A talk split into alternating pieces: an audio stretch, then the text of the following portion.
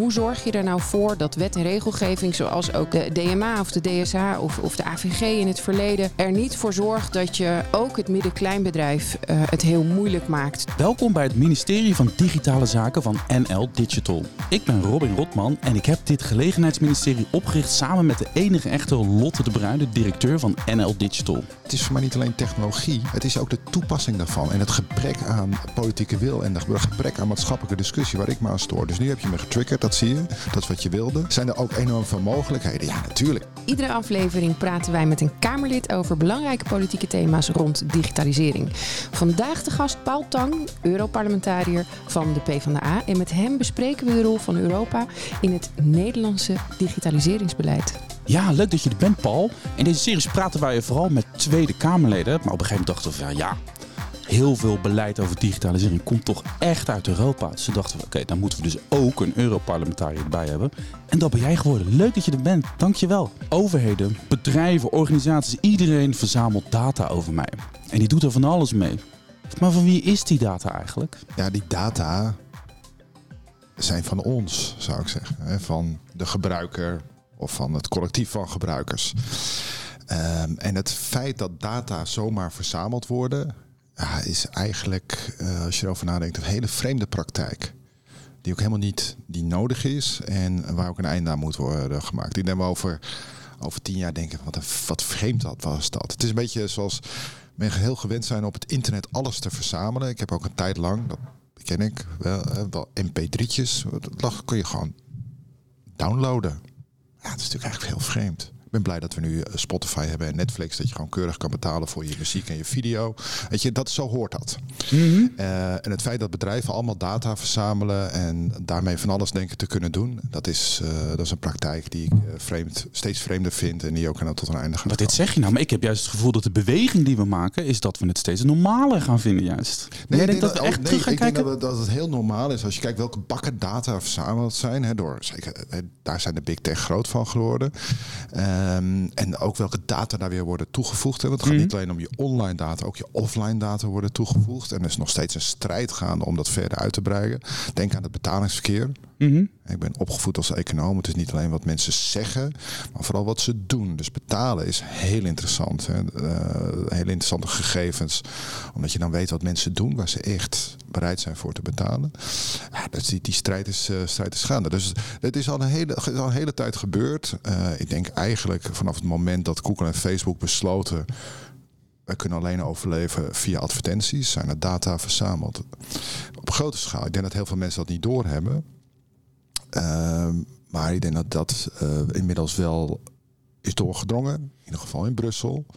In ieder geval bij een deel van het Europees Parlement komen we misschien nog wel op. Of in ieder geval bij jou. ja, dus, nee, maar dus, weet je, ik, uh, dus ik denk dat dit echt een, een archaïsche praktijk is. Hoogleraar Valerie Frisse die bedacht er een woord voor ook.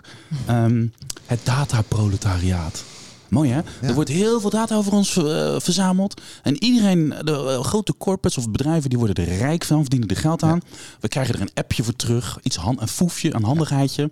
En zij zegt dat staat gewoon niet in verhouding tot elkaar. Nee. Eigenlijk, eigenlijk, eigenlijk volk een... verenigt u en maak een vuist en verdien. Dat geld moet naar ons ook voor een belangrijk deel. Ja, en het gaat niet alleen over uh, de, de, data, het gaat ook over ja, en dat gebruik ik ook wel voor mijn uh, iets wat meer rechtse collega's over uh, consumentensoevereiniteit. Want welke zeggenschap heb ik nou nog? Hè? Dus ik vind. Ga jij dit voor ons regelen? Nou, dat is de strijd waar we mee bezig zijn. Precies hm. hiermee. Dus ik vind dat we eigenlijk diensten moeten hebben waarvoor we betalen. Net zoals ik, wat ik net zei. Hè? Dus ik betaal tegenwoordig voor mijn muziek, Spotify, uh, Netflix. Uh, vind ik ook dat we voor sommige diensten eigenlijk een duidelijke transactie zou moeten zijn. Er zou een soort Facebook moeten komen waarvoor je een paar eurotjes een maand betaalt. Ik ben en bereid, geen bereid voor Facebook hebben wij een abonnement op Facebook zonder reclame. Ben ik okay. bereid te betalen. We zijn begonnen. Even, en waarom ik dat ook wil, hè, dus even omdat je dan weer een duidelijke relatie krijgt tussen de dienstverlener en de gebruiker. Die is nu totaal weg. Kan ik Google niet gebruiken? Dat is nog helemaal niet makkelijk. Dus kan ik iets. Hè, de, dat is mijn probleem. Lotte, wat, wat, ja. wat wil jij van Brussel? Wat verwacht jij van Brussel? Wat hoop jij van Brussel? Paul vertegenwoordigt nu Brussel. Hij vertegenwoordigt natuurlijk vooral zichzelf. Maar hij zit hier wel vanuit Brussel met ons te praten. Wat, nou, ik hoop, zoeken jullie? Ehm, op de vertaling zeg maar, van Europa naar Nederland. En wat wetgeving betekent. Wat bedacht wordt in Europa in steeds grotere mate. Wat hartstikke goed is. Hè. Het is een internationaal speelveld. Dus dat, dat uh, juich ik alleen maar toe. En uh, ik hoop dat we de vertaling kunnen maken naar wat dat betekent voor Nederland. En dan nog belangrijker wat dat betekent voor de gebruiker. Want even hè, terugkomend op de discussie van net. Voor mij het beste wapen tegen uh, uh, of, of ja, voorzeggenschap is, de, is kennis. Uh, althans, is, is duidelijk, zijn duidelijke afspraken met bedrijven. Wat mag wel, wat mag niet. En het gaat ook om kennis. Dus ik weet meer dan misschien de gemiddelde uh, uh, Nederlander. Wat er gebeurt met mijn data op het moment dat ik ergens op klik of op het moment dat ik iets post. Dus ik kies ervoor om het wel of niet te doen. Um, dus dat zijn voor mij wel echt belangrijke randvoorwaarden. Waar we in Nederland in ieder geval nog best wel wat aan kunnen doen. Ja, nu ga ik als, en dan ben ik toch, ik ben niet, ben niet Europarlementariër, ben wel een linkse Europarlementariër. En dus de invalshoek... Krijgen we nu de volle tekst? En uh, de invalshoek die je krijgt, die je, die je kiest, is heel individueel. Dus ik zie een collectief probleem.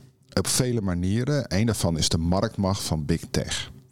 Uh, maar dat gaat verder, want dat gaat ook over het gebruik van sociale media in de handen van Amerikaanse uh, commerciële ondernemingen. -hmm. We hebben een collectief probleem, dan moet je ook collectief oplossen. Maar is dus dan moet je niet zeggen, dan moet je, moet je, dus niet van mijn moeder gaan verlangen dat ze meer moet weten van data, omdat zij moeten gever. Dat is, en ik ben even streng ja, hier, ben ja, dus uh, sorry voor dat. Maar dat, zo, dus ik vind juist dat dat is wat ik ook wil van Brussel, is juist dat tegenwicht vormen wat je als individu en zelfs als land niet kan. Tuurlijk.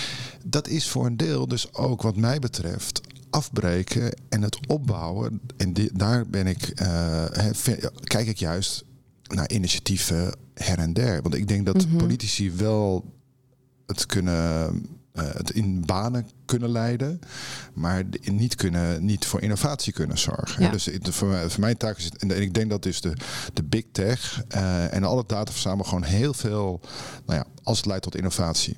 En dat is nog maar de vraag. Leidt tot verkeerde innovatie. Dus dat je dat wil stoppen. Maar Ja. dat er nieuwe mogelijkheden zich dan aandienen. En dan kijk ik juist naar alle mensen die daar Tuurlijk. goede ideeën over hebben. Ja, maar voor mij is onderwijs is, is iets collectiefs, is niet individueel. Ik snap de uit. Of de, mijn moeder is, is dezelfde iemand die ik dat zou moeten uitleggen. Dus dat ben ik absoluut met je eens.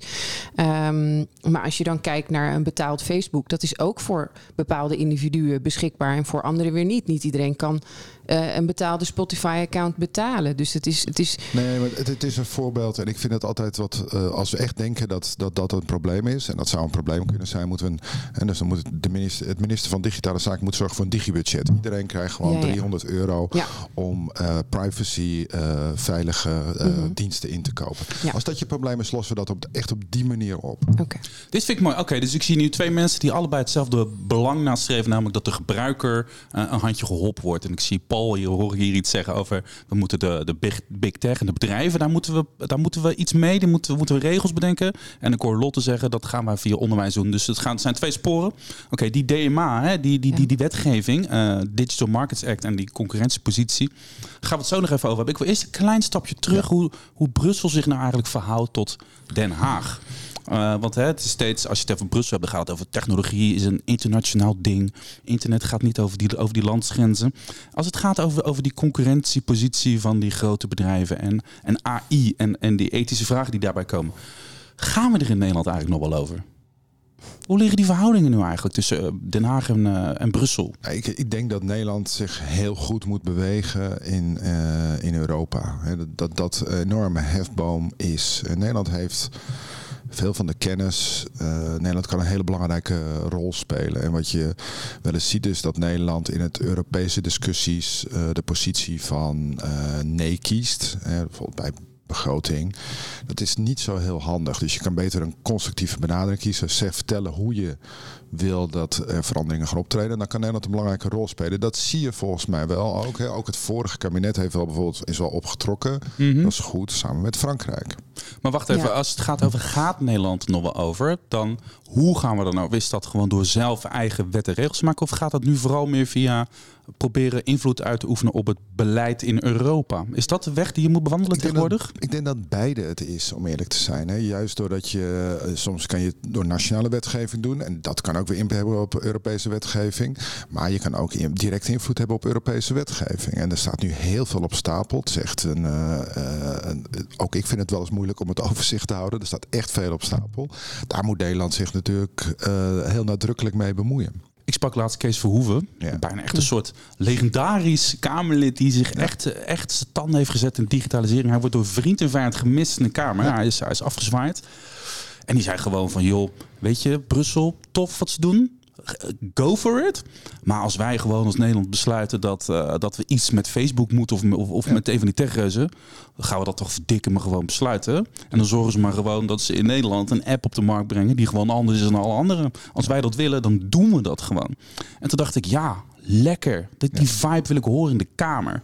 Kan dat? Bestaat dat? Ja, ik denk dat het heel, dat, dat het heel terecht is. Uh, en uh, je kan eisen stellen als land aan Facebook. Ik denk alleen, en dat zal Kees ongetwijfeld met me eens zijn, op het moment dat je dat nog groter maakt, dat je, dat je de wereld van data en internet echt aan het veranderen bent. Hm. dus als je alleen Facebook aanpakt in Nederland, dan ja, dan weet ik niet zo zeker of je alle uh, verspreiding van nepnieuws en samensweringstheorieën mm. echt goed kan aanpakken. Dus, uh, dus je wil het. En bovendien, als je daarin gelooft, en, en daar geloof ik ook in, dus ik ben het zeer eens met, uh, met Kees, dan wil je dat ook graag uitdragen. Wij hebben, goede, wij hebben een goed idee en dat hebben we ingevoerd in Nederland. Maar joh, jullie zouden het ook kunnen en moeten doen. Hoe is dat voor jullie, Lotte? Want jij vertegenwoordigt hier de branche. Hè? Dus jij bent, eh, jij bent een, een, een belangenvereniging. Jullie zijn een, een lobbyorganisatie. Je, hebt, uh, je hebt ook veel belangen. Je, hebt, je vertegenwoordigt grote bedrijven, kleine bedrijven. Ja. Hoe, hoe zie jij de verhoudingen Brussel-Den Haag? Hoe, hoe beweeg jij je in dat veld? Ja, wij, ja, wij werken wel met, met uh, partners in, uh, in Brussel, dus Digital Europe bijvoorbeeld. En via die organisatie vinden we onze weg. Ik merk dat digitalisering in Brussel een andere uh, nou, hoger op de agenda staat, zou ik bijna willen zeggen, dan in Nederland nog. Dus ik hoop dat we snel, uh, snel uh, dat been bijtrekken. Als het gaat om de uitspraak van Kees, dat klinkt natuurlijk super logisch. En ik, en ik heb misschien wel de illusie dat dat, dat tot op zekere hoogte ook zo is. Je hebt nou eenmaal Nederlandse wet en regelgeving waar je je aan moet houden. Ik denk dat er ook nog een soort gaps zijn op wet en regelgeving. Dat we daar nu heel erg mee bezig zijn. Er speelt zoveel, zei je net al. Um, dus dan gaan we ervoor zorgen dat dat nog duidelijker is. Maar um, precies wat jij aanstipt over die landsgrenzen. Als je in ieder land andere wet en regelgeving hebt, dan is het natuurlijk. Um, bereik je misschien wel dat een organisatie een groot bedrijf uh, zich daaraan moet houden. Maar je bereikt ook dat een klein bedrijf zich daaraan moet houden. En ik denk dat daar vooral ook um, ja, de, de balans zit die wij zoeken van hoe zorg je er nou voor dat wet en regelgeving, zoals ook de DMA of de DSA of, of de AVG in het verleden, er niet voor zorgt dat je ook het midden-kleinbedrijf het heel moeilijk maakt door een lawine aan regels op te stellen die voor grotere organisaties makkelijker te tackelen zijn, omdat zij ook weer veel juristen in dienst hebben. In kleinere organisaties niet. Dus als je mij vraagt, waar zit mijn zorg?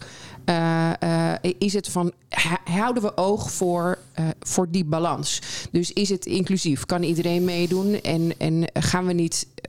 Um, een collega van mij, Joost, heeft de prachtige uitspraak hè, dat je met de grasmaaier het gras maait, maar ook de prachtige bloemen een kopje kleiner maakt ja, daar, daar zou ik voor mij de vraag ook aan jou liggen: van hoe, hoe zie jij dat uh, in jouw dagelijkse praktijk ook, hoe daarmee wordt omgegaan? En uh, even terug wat ik voor, voor, mij al probeerde te zeggen. Hè, maar bijvoorbeeld de DMA, Digital Market Act, is echt gericht op de grootste bedrijven. Dat gaat over gatekeepers, dat kunnen er afhankelijk van de onderhandelingen tien zijn, kunnen er minder zijn, kunnen er meer zijn. Het gaat echt over de grootste bedrijven. Ik denk dat dat in het voordeel is van het midden- en kleinbedrijf. Dit zijn namelijk ook de bedrijven die op grote schaal als Pac-Man bedrijfjes opkopen. Dat is mm het hele nou, het ecosysteem haast ook op ingericht. Als je een innovatie hebt, dan hoop je dat je eigenlijk wordt opgekocht. Maar eigenlijk stop je innovatie, want het wordt ondergebracht in de grote molochen. Mhm. Die eigenlijk alleen tot doel hebben om die innovatie tegen te houden. Want ze willen hun positie in. Uh, in ja, is dat zo? Is, voel je dat zo? Nee, dat, echt als doel innovatie stoppen? Ja, zeker. Tuurlijk, je probeert alles te omarmen. Je probeert het te omarmen. Is dat zo, Lotte? Is dat nou ja, goed, dat, dat, ik, ik denk dat dat eh, best uh, het resultaat zou kunnen zijn hè, in sommige gevallen. Ik sprak alleen laatst wel ook, of ik spreek veel uh, leuke kleine Nederlandse start-ups. En die zeggen van ja, ik wil heel graag investeren. En dan klop ik aan bij, bij de overheid. En dan hebben we daar bepaalde hulpmiddelen voor, steunmiddelen. En daar kom ik dan weer niet voor in aanmerking. Dus dan dus zegt ja, ik ga dan op een gegeven moment kijken naar buitenlandse investeerders. En ze is heel jammer, want dan wordt een prachtig Nederlandse mogelijke uh, unicorn of iets wat, wat groot kan worden, Nederlands kan blijven, uh, wordt eigenlijk gestopt omdat we dan als we dan bij de overheid aankloppen voor investeringen, um, dat, dat, dan, dat dat dan niet lekker loopt. Dat is natuurlijk zonde, maar dat, dat staat los van het argument wat jij net inbrengt. Ik denk dat het meerdere kanten heeft. We hebben een recovery, ik moet even kijken, and resilience facility. Ja potje Europees geld. Ja. Uh, die uh, getroffen bedrijven na de coronapandemie uh, weer een beetje een zetje kunnen geven. Ja. Weten, weet, weten we dat geld een beetje te vinden? Wordt dat een beetje... Nou, Nederland niet. Nee. Hoe kan dat nou? Nee, nee, nee, nee het huidige kabinet, het demissionaire kabinet ook heeft besloten om de, de aanvraag van Nederland nog niet in te dienen. En dat geld blijft trouwens ter beschikking voor Nederland. Maar hoe kan dat nou? Omdat, uh, er geen, omdat we geen kabinet hebben die kan beslissen daarover. Ik denk dat dat eigenlijk de, ah. chaos in, in politiek Den Haag... dat uh, daar ook geen besluit kan worden genomen. Hm.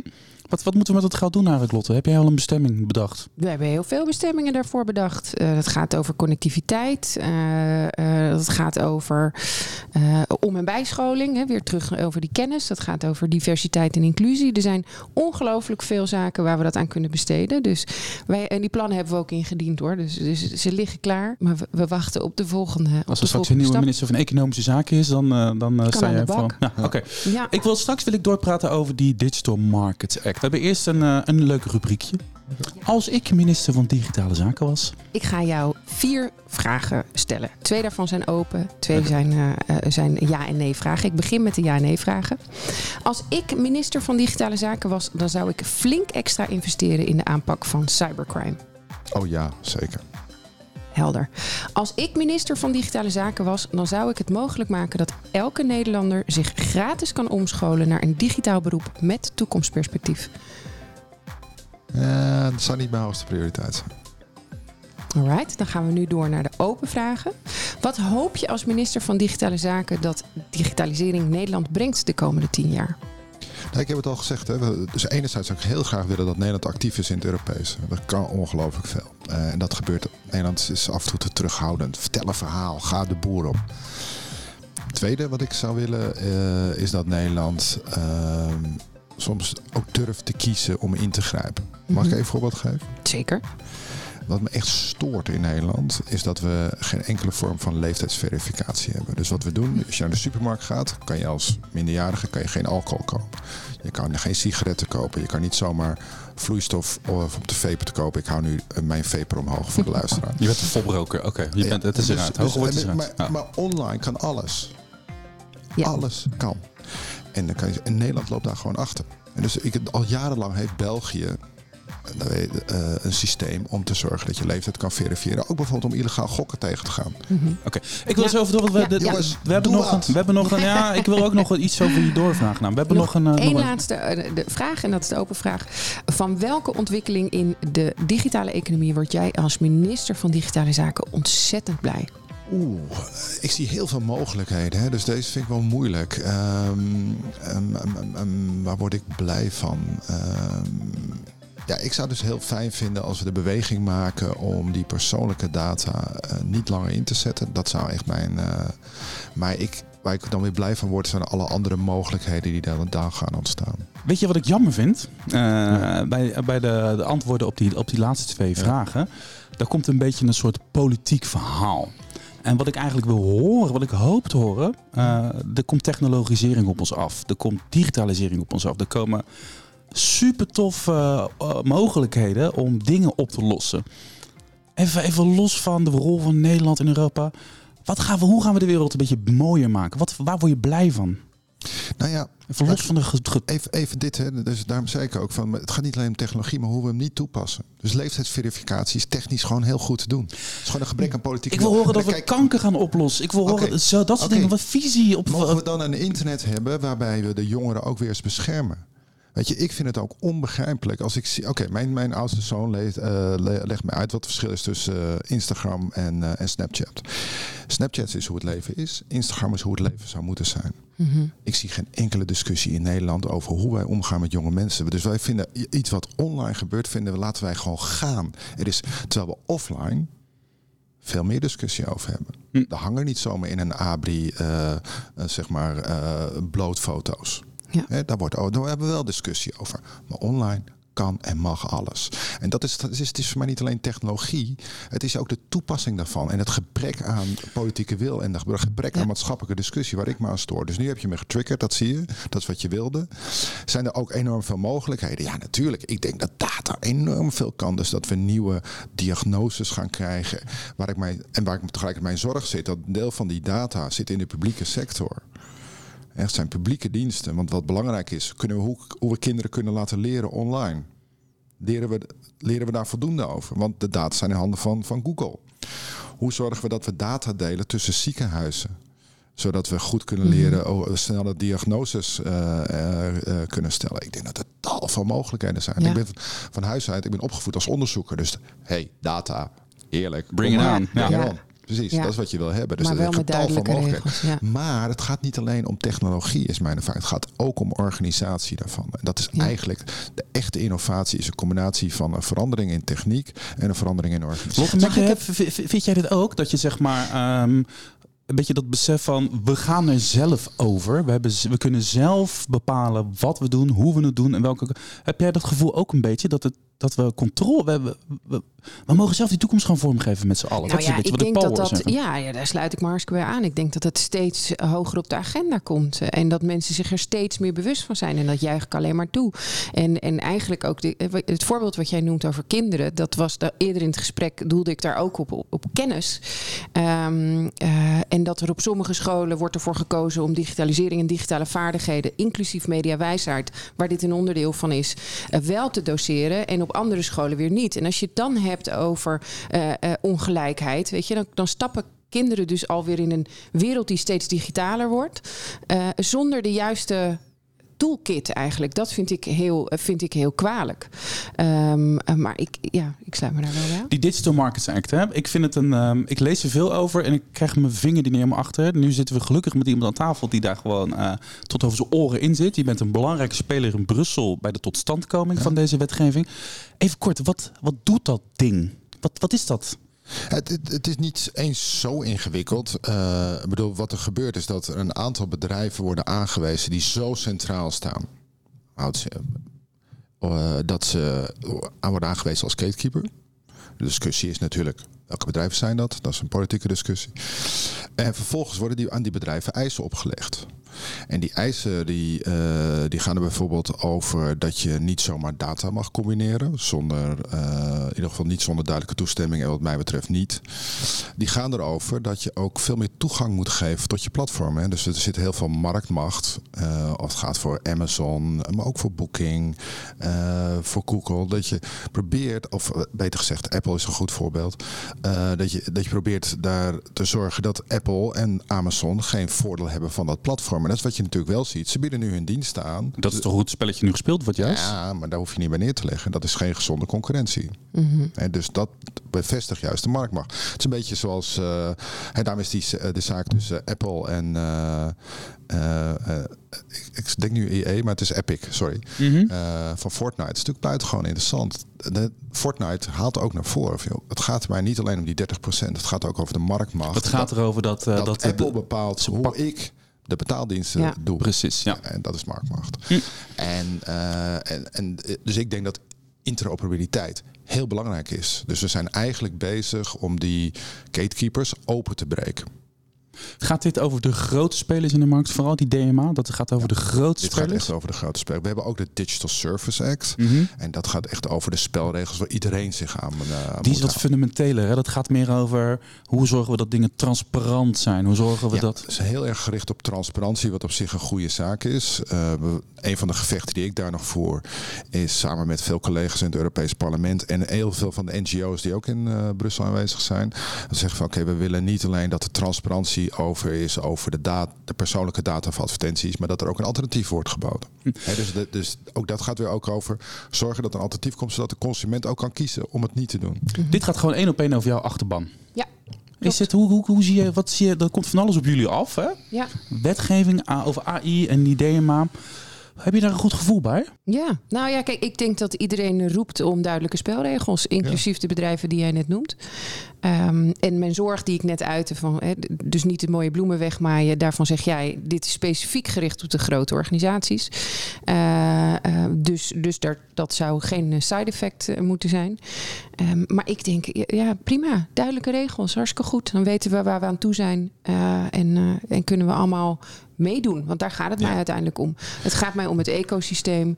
Uh, en het gaat mij erom dat groot en klein uh, de ruimte hebben om te ondernemen met dezelfde spelregels. Hoe doe je dat concreet? De macht van die grote spelers indammen, die, uh, die de wensen en de eisen die je stelt als rol als gatekeeper helder maken. Wat kun je nou concreet doen? Nou, dit, deze wet is heel concreet. Ik bedoel, die gaat gewoon de macht van Apple. dus bijvoorbeeld Apple kan niet zomaar meer uh, uh, apps weigeren uh, op de platform. Dat, daar komt het op neer. Ik denk dat, uh, dat het advertentiemodel van Google en Facebook, heb ik nog steeds de hoop dat dat er gewoon aangaat. Dus dat we overgaan, weggaan van gepersonaliseerde advertenties. Dus dat zijn forse ingrepen. hoe, hoe, hoe doe je dat dan? Want dat nou, is het verhaal van de social dilemma. Hè? Ze maken een ja. profiel van de gebruikers. Ja. En uh, de, uh, de, filmpjes en de dingen die ze aan je voorschotelen... gaat niet alleen maar om wat jij wil... maar dat, dat hangt nou samen met het geld dat ze aan je verdienen. Waardoor je nooit helemaal zeker weet hoe zuiver het nou werkelijk allemaal is. Maar wat kun je dan doen anders dan dat, de, dat je de wens uitspreekt... dat er een partij komt die misschien een ander verdienmodel heeft. Namelijk je betaalt twee piek in de maand. En er zijn, dat, dat, dat wordt op een heel, die wens kan je uitspreken. Maar hoe kan je nou zorgen dat zo'n Facebook dat dan anders gewoon verbieden? Nou, gewoon zeggen, joh, vanaf morgen gebeurt het, mag het niet meer. dus uh, uh, voor het beëindigen van, van tracking en targeting. Gewoon stoppen. Dat kan je gewoon opleggen. Kan gewoon verbieden. kan je gewoon verbieden. Ja. Of ik daar een meerderheid mee ga halen, wordt een gevecht. Maar ik denk dat we best een eind gaan komen dat je ziet dat er groeiend uh, bewustzijn is. Uh, wat we ook kunnen verbieden is dat bedrijven niet misbruik maken van de machtspositie. Hè. Dus veel van je dat de platforms hebben een bijzondere positie. Uh, en die ge worden gebruikers. En dan zeg je, oké, okay, dat mag dus niet. En je ligt onder het vergroot. En de commissie legt dan met dat principe in de hand. Wordt, worden die bedrijven onder het vergrootglas gelegd. En moeten, moeten zich daar ook aan houden. Dus je legt als wetgever leg je het principe vast. En de controle, de, de uh, controle daarop moet gebeuren. Dan in dit geval door de commissie als mededingingsautoriteit. Hm. Dat is het eigenlijk de opzet. Hoe je, want dit gaat over concurrentie, Lotte. En jij ja. vertegenwoordigt in jouw, uh, met jouw organisatie natuurlijk de grote spelers en de kleinere spelers. Is mm -hmm. dit ook een ding dat die, dat die concurrentie niet helemaal zuiver is, dat het gelijk speelveld niet helemaal oké okay is? Je hebt het zelf geloof ik altijd over een inclusief speelveld. Klopt. Maar is dat ja. een ding inderdaad? Ja, dat is absoluut een ding. Ja, kijk, in de belangen die we vertegenwoordigen zijn er soms hele tegenstrijdige uh, geluiden. Die, en daarom, ja, dan moet je altijd een soort van uitzoomen. Hè. Dat, dat maakt het voor mij wat ongemakkelijk om over specifieke bedrijven te praten. Uh, maar wij zoomen dan uit naar van goed, de wat ik net al zei, spelregels moeten duidelijk zijn en moeten voor iedereen gelden. Um, en, en dan is de oproep van uh, hou rekening met uh, hè, wat we bijvoorbeeld hebben gezien bij de AVG, is dat het, ja, er kwam zo'n registerplicht en heel veel kleine bedrijven zijn op zwart gegaan, omdat ze zeiden ik kan dat niet, ik kan daar niet aan voldoen. En ik heb ook het gevoel dat onze huidige contact ook met het, de, de commissie digitale zaken en ook in Brussel, dat dat veel bespreekbaarder is. Omdat het een thema is wat hoger op de agenda staat, is het veel bespreekbaarder. Dus uh, brengen we dat in. En, en ik denk ik dat we de kans krijgen om onze zorgen te uiten. En hoor ik ook dat dat, uh, althans ik hoor dat van jou terug, dat dat serieus wordt genomen. Dus um, ja, er zijn tegenstrijdige belangen en daar is helemaal niks mis mee. Dat is niet nieuw aan de digitale sector. Het is helemaal niet uh, nieuw. Dus de, het verschil tussen groot en klein. Ik vind juist dat je moet zorgen dat de grote bedrijven weer niet te groot hebben, te veel macht hebben. Dat lijkt me een gezond uitgangspunt. En tegelijkertijd probeer je als wetgever eigenlijk altijd rekening te houden dat kleine bedrijven wat minder kunnen dan grote bedrijven. Dus je probeert heel vaak is er differentiatie tussen, tussen groot en klein. En dat zal hier ook uh, moeten gebeuren. Dan die Digital Services Act, de DSA. Je zou er ook weer een, een tiendelige podcastserie over kunnen maken. Alleen maar over de DSA. Gaan we, interessant is gaan we voorlopig even niet, niet doen. Uh, wie weet. Maar dat gaat over transparantie. Gaat, over, gaat meer over grondrechten. Dat gaat over bescherming van de consumenten. Dat gaat over veiligheid. Dat gaat over de, de, de, de democratie zelf. Uh, kun je daar wat concrete dingen in noemen? Hoe dat dan daadwerkelijk uh, in, in in, in beleid of een wetgeving zou moeten worden vastgelegd. Hoe dat. Ja, zou, zou ik gewoon een voorbeeld geven? Wat ik dus heel interessant vind, is dat de DSA gaat zeggen uh, dat je de algoritmes moet kunnen uitleggen. Recommender system, dus zeg maar je tijdlijn die je nu ziet op Facebook en Twitter, is onduidelijk. Uh, waar komt dat vandaan? Waarop is het gebaseerd? En hoe kan je daar invloed op hebben? En dat laatste vind ik ook wel heel interessant. Dus wat ik heel graag zou zien, is dat er ook uh, een, een daarom is interoperabiliteit ook vaak belangrijk. Hè? Dus dat zit dan weer in het DMA. Maar dat je ook alternatieven kan krijgen. Dus ik, heb, ik kan nu als ik nu op Twitter en Facebook zijn, we weten allemaal dat is heel bepalend voor wat je ziet. Mm -hmm. En dus wat ik. En dus ook voor het maatschappelijk debat. Maar ik heb, geen, ik heb heel weinig keuze. Ik kan bij Twitter, ik weet niet of jullie dat doen, maar ik ga wel eens tussen chronologisch en, en, en toptweets. Mm -hmm. Ja. Maar ik kan dus niet een alternatief daarvoor kiezen. Ik mag ook niemand mijn. Dus je, ja. dus je kan ook niet een. Ik lees kranten. Eigenlijk redigeren kranten mijn tijdlijn. Hey, maar wacht even. Ik, ik, ik, hoor wat je zegt, maar je, maar je komt met een soort analyse. Ik wil weten wat je kan doen. Ja, dit is wat je kan doen. Dus in zo'n wat jij kan doen. Wat je, ja. is ik, dat... Geef, ik probeer het juist concreet te maken. Door te zeggen van. Er zijn, er is gewoon heel veel mogelijkheden. Blijven we nu liggen. Laten we over aan grote Amerikaanse bedrijven. Terwijl ik zoek naar een andere tijdlijn. Een tijdlijn die bijvoorbeeld geredigeerd dus doe mij de, eh, de, de tijdlijn van het Financieel Dagblad. Ja. Mm -hmm. Of doe mij alleen een Twitter waarbij alleen mensen met geverifieerde uh, identiteiten op zich kunnen bewegen. Want ik heb een beetje genoeg van al die anonieme schreeuwlelijken. Maar dan moet je innovatieve ja. spelers moet je gaan supporten of die moet je wat meer faciliteren. Dan moet je een potje voor. Nee, helemaal niet. We moeten meer concurrentie hebben. Dus nu kan je niet zeggen: ik ga, ik ga mijn producten aanbieden op Twitter. Ik ga een andere Twitter-tijdlijn aanbieden. Kijk, één voorbeeld, nog eentje. Nog meer wat, wat gaat over democratisering, bescherming, grondrechten, transparantie. Ik wil nog een voorbeeld. Nog een voorbeeld. Um, nou ja, een van de gevechten die daar natuurlijk daarbij hoort, en ga ik toch even zeggen nog steeds, is dat verbieden van persoonlijke data en gebruik van advertenties. Dat, dat is het gevecht dat we daarin voeren. Uh, ik vind dat dat heel fundamenteel is voor, uh, voor de manier waarop we omgaan. Ik ben er een gesprek mee begonnen. Ik wil dat het over tien jaar denk, dat we daarop terugkijken. Dit hadden we nooit moeten doen. Dat vind ik een mooi beeld. Als je dat beeld wat je hier staat, vind ik wel ja. tof. Hè? Even voor de helderheid. Vind ik gaaf. Vind je niet? Vind je dat niet ja, een leuk zeker. stream? Maar ik merk in de gesprekken die we voeren en nu ook dat eigenlijk de menselijke maat en de ethische kant van, van technologie uh, en de impact daarvan op de maatschappij, dat komt steeds meer naar boven. En ja. we hebben ook wel eens een keer een gesprek gehad van goh, bij het ontwerpen van het internet, welk element is er nou eigenlijk te laat bijgekomen? Of wat, wat hebben we nou gemist? En ik denk dat dat heel erg gaat over de, de menselijke maat en de gebruikerskant. En ik vind het heel goed dat we het daar nu over hebben. Dat we dingen ook bekijken vanuit uh, ja, ethiek. Ik vat het ja. even samen als ethiek. Ja. Mensen, uh, uh, je hebt dus security by design, je privacy by design, de menselijke maat by Ethics design. by design, ja. Ja. Oké, okay. Lotte heeft, uh, neemt elke aflevering van deze podcastserie een uh, vraag uit het veld mee. Ik heb meegenomen Rogier Klimby van de Dutch Startup Association. We hebben het al even aangeraakt, dit, uh, dit onderwerp. Dus vast makkelijk te antwoorden. Want hij is namelijk bang dat regelgeving de ambitie van veel bedrijven in de weg zit. Er wordt veel aan verschillende EU-wetgeving gewerkt, zoals je weet. DMA, DSA, een AI-regelgeving. Hoe verhouden die eigenlijk zich tot, elkaar? En hoe voorkom je dat die groei van start-ups en scale-ups remt? Er zijn heel veel voorbeelden van start-ups en scale-ups die in potentie minstens bij drie van dit soort wetgeving, EU-wetgeving te maken krijgen. Dat kan natuurlijk heel lastig zijn voor groei en voor uitbreiding. Mijn vraag is dus ook, hoe voorkomen we dat? Nou, het eerste is het goed dat Rogier Klimby niet meer voor Google werkt, maar nu voor de Dutch Startups uh, vertegenwoordigt. Dat is echt een verbetering. Uh, laten we dat voorop stellen. Zo hoort dat. Dit is een antwoord op een vraag die hij niet gesteld heeft. Wat, vind, je, wat, vind, je van, wat vind je van zijn carrière? Oké, nou dankjewel. Ik, ik, nee, Carrièreadvies voor Rogier. Dit zijn ook keuzes die we maken, hè, dus let wel. Um, en uh, ik denk dat er dus heel nadrukkelijk onderscheid wordt gemaakt tussen grote en kleine bedrijven. Dat doen we eigenlijk altijd als wetgever. En dat is mhm. nu echt ingebakken met DSA, DMA. Uh, dat daar worden alleen echt te groot. En dat gaat ruimte bieden, juist voor start-ups. Ben ik van overtuigd. Dus die mhm. kunnen diensten gaan aanbieden die nu worden weggedrukt. Oh ja, voor de mensen in het veld. Stop met dromen om te worden overgenomen door Google en Facebook. Dat is niet een grote droom. Dat is niet een succesvol leven. Je wil echt een succesvol product hebben. En een succesvolle dienst. Dat is wat ik ga. Dat is innovatie.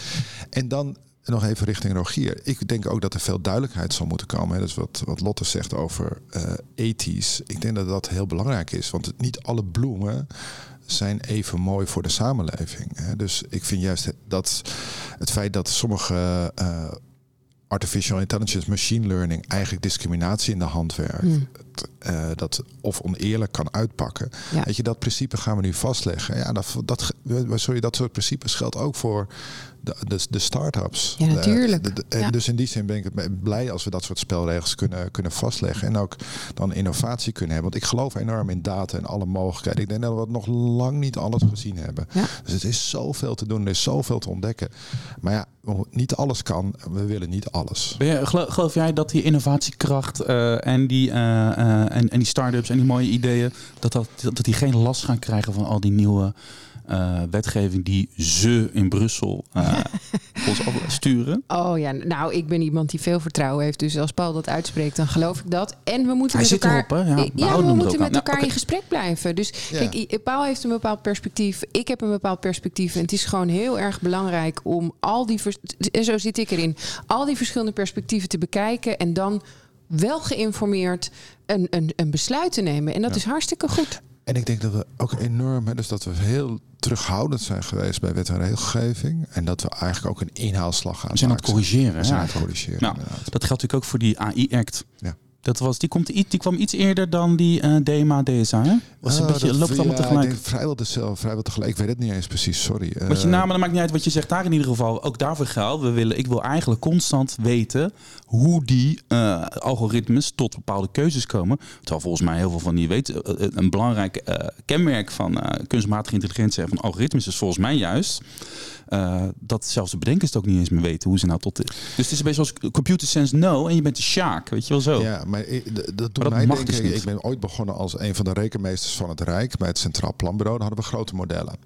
En wij hebben manieren gevonden om die modellen inzichtelijk te maken. want dat is eigenlijk ook. Die, je hebt een model, je kan op voorhand kan je niet zeggen welke eigenschappen dat model heeft. We hebben altijd manieren gevonden om duidelijk te maken welke eigenschappen erin zitten. Dat, kan je, dat betekent dat je vaak kleine veranderingen gaat doorvoeren en dan zie je de eigenschappen van het model. Mhm. nou, ik, ik, neem maar even die vergelijking, want ik denk dat bij artificial intelligence dat voor een deel ook zo zal moeten.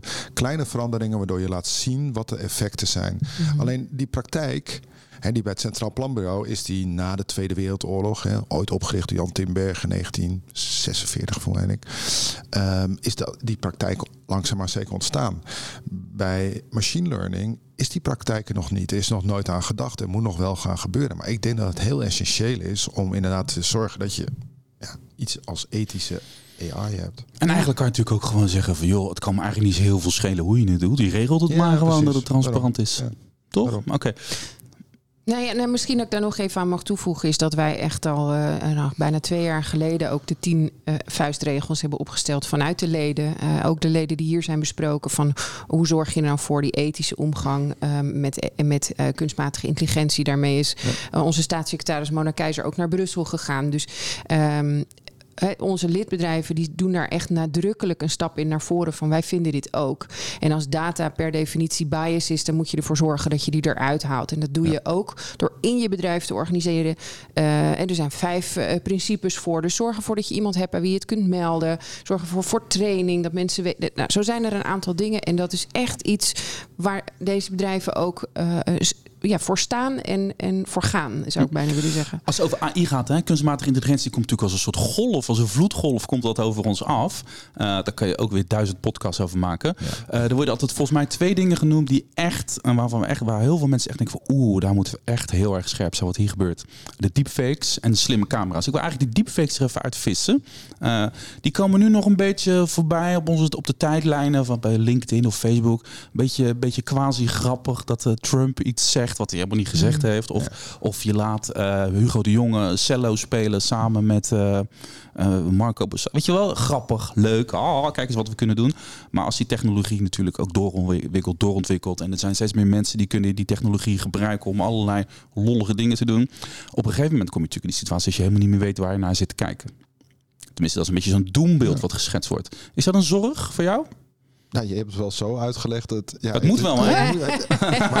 ik, nee. ik wil jouw zorg zeggen, maar nee, dat is natuurlijk. Dat, nou, het is niet echt mijn zorg, maar. Nou, ik vind het wel een zorg, omdat ik, en zeker als politicus, kijk, wat je, wat je ziet, is dat op heel veel verkiezingen wordt al invloed uitgeoefend. En als iets, en, en, en je hoeft, als je er even over nadenkt, kan je realiseren al snel dat een deepfake kan een enorme impact hebben. We hebben eh, uh, zijn elk jaar wel verkiezingen. De Duitse verkiezingen, de, de, de, de, de Franse presidentsverkiezingen.